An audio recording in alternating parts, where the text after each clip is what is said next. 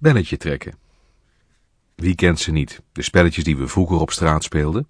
Een portemonnee aan een touwtje en dan zelf achter een muurtje of een heg gaan liggen. Op het moment dat er dan iemand de portemonnee wilde oprapen, trok je snel aan het touwtje. Hele dagen vermaakten wij ons met dergelijke zaken, tot er iemand langskwam die het spelletje kende en eerst zijn voet op de portemonnee zette voordat hij bukte om deze op te rapen. Eigenlijk dacht ik dat tegenwoordig de jeugd zich liever bezighoudt met computerspelletjes en een Game Boy en dat de spelletjes die wij speelden uit de mode waren. Daarom was ik enigszins verrast toen onlangs bij ons de voordeurbel ging en er niemand stond toen ik opendeed. Het aloude belletje trekken leek in onze buurt in ere hersteld, want enkele keren per dag hoorde je de voordeurbel en stond er niemand als je ging kijken. Uit mijn eigen belletjestrektijd wist ik nog dat je bleef bellen zolang men de deur open bleef doen.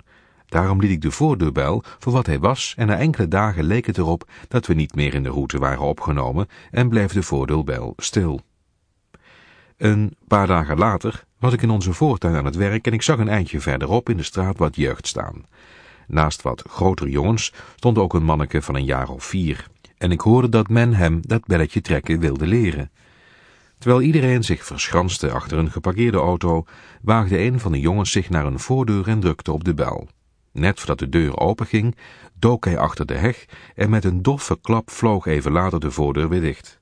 Nu leek het de beurt aan de kleinste van het gezelschap, want terwijl weer iedereen zijn verstopplaats innam, werd hij naar een voordeur geduwd. Hij moest op zijn tenen gaan staan om bij het knopje te kunnen, maar het lukte. Omdat het geen gewone ding-dong of ringbel was, maar een muziek begon te klinken, bleef de onervaren belletjestrekker even staan om te luisteren. Toen de voordeur werd opengedaan, keek die jongen de man met grote ogen aan en wat verlegen zei hij, ik ben vergeten weg te lopen.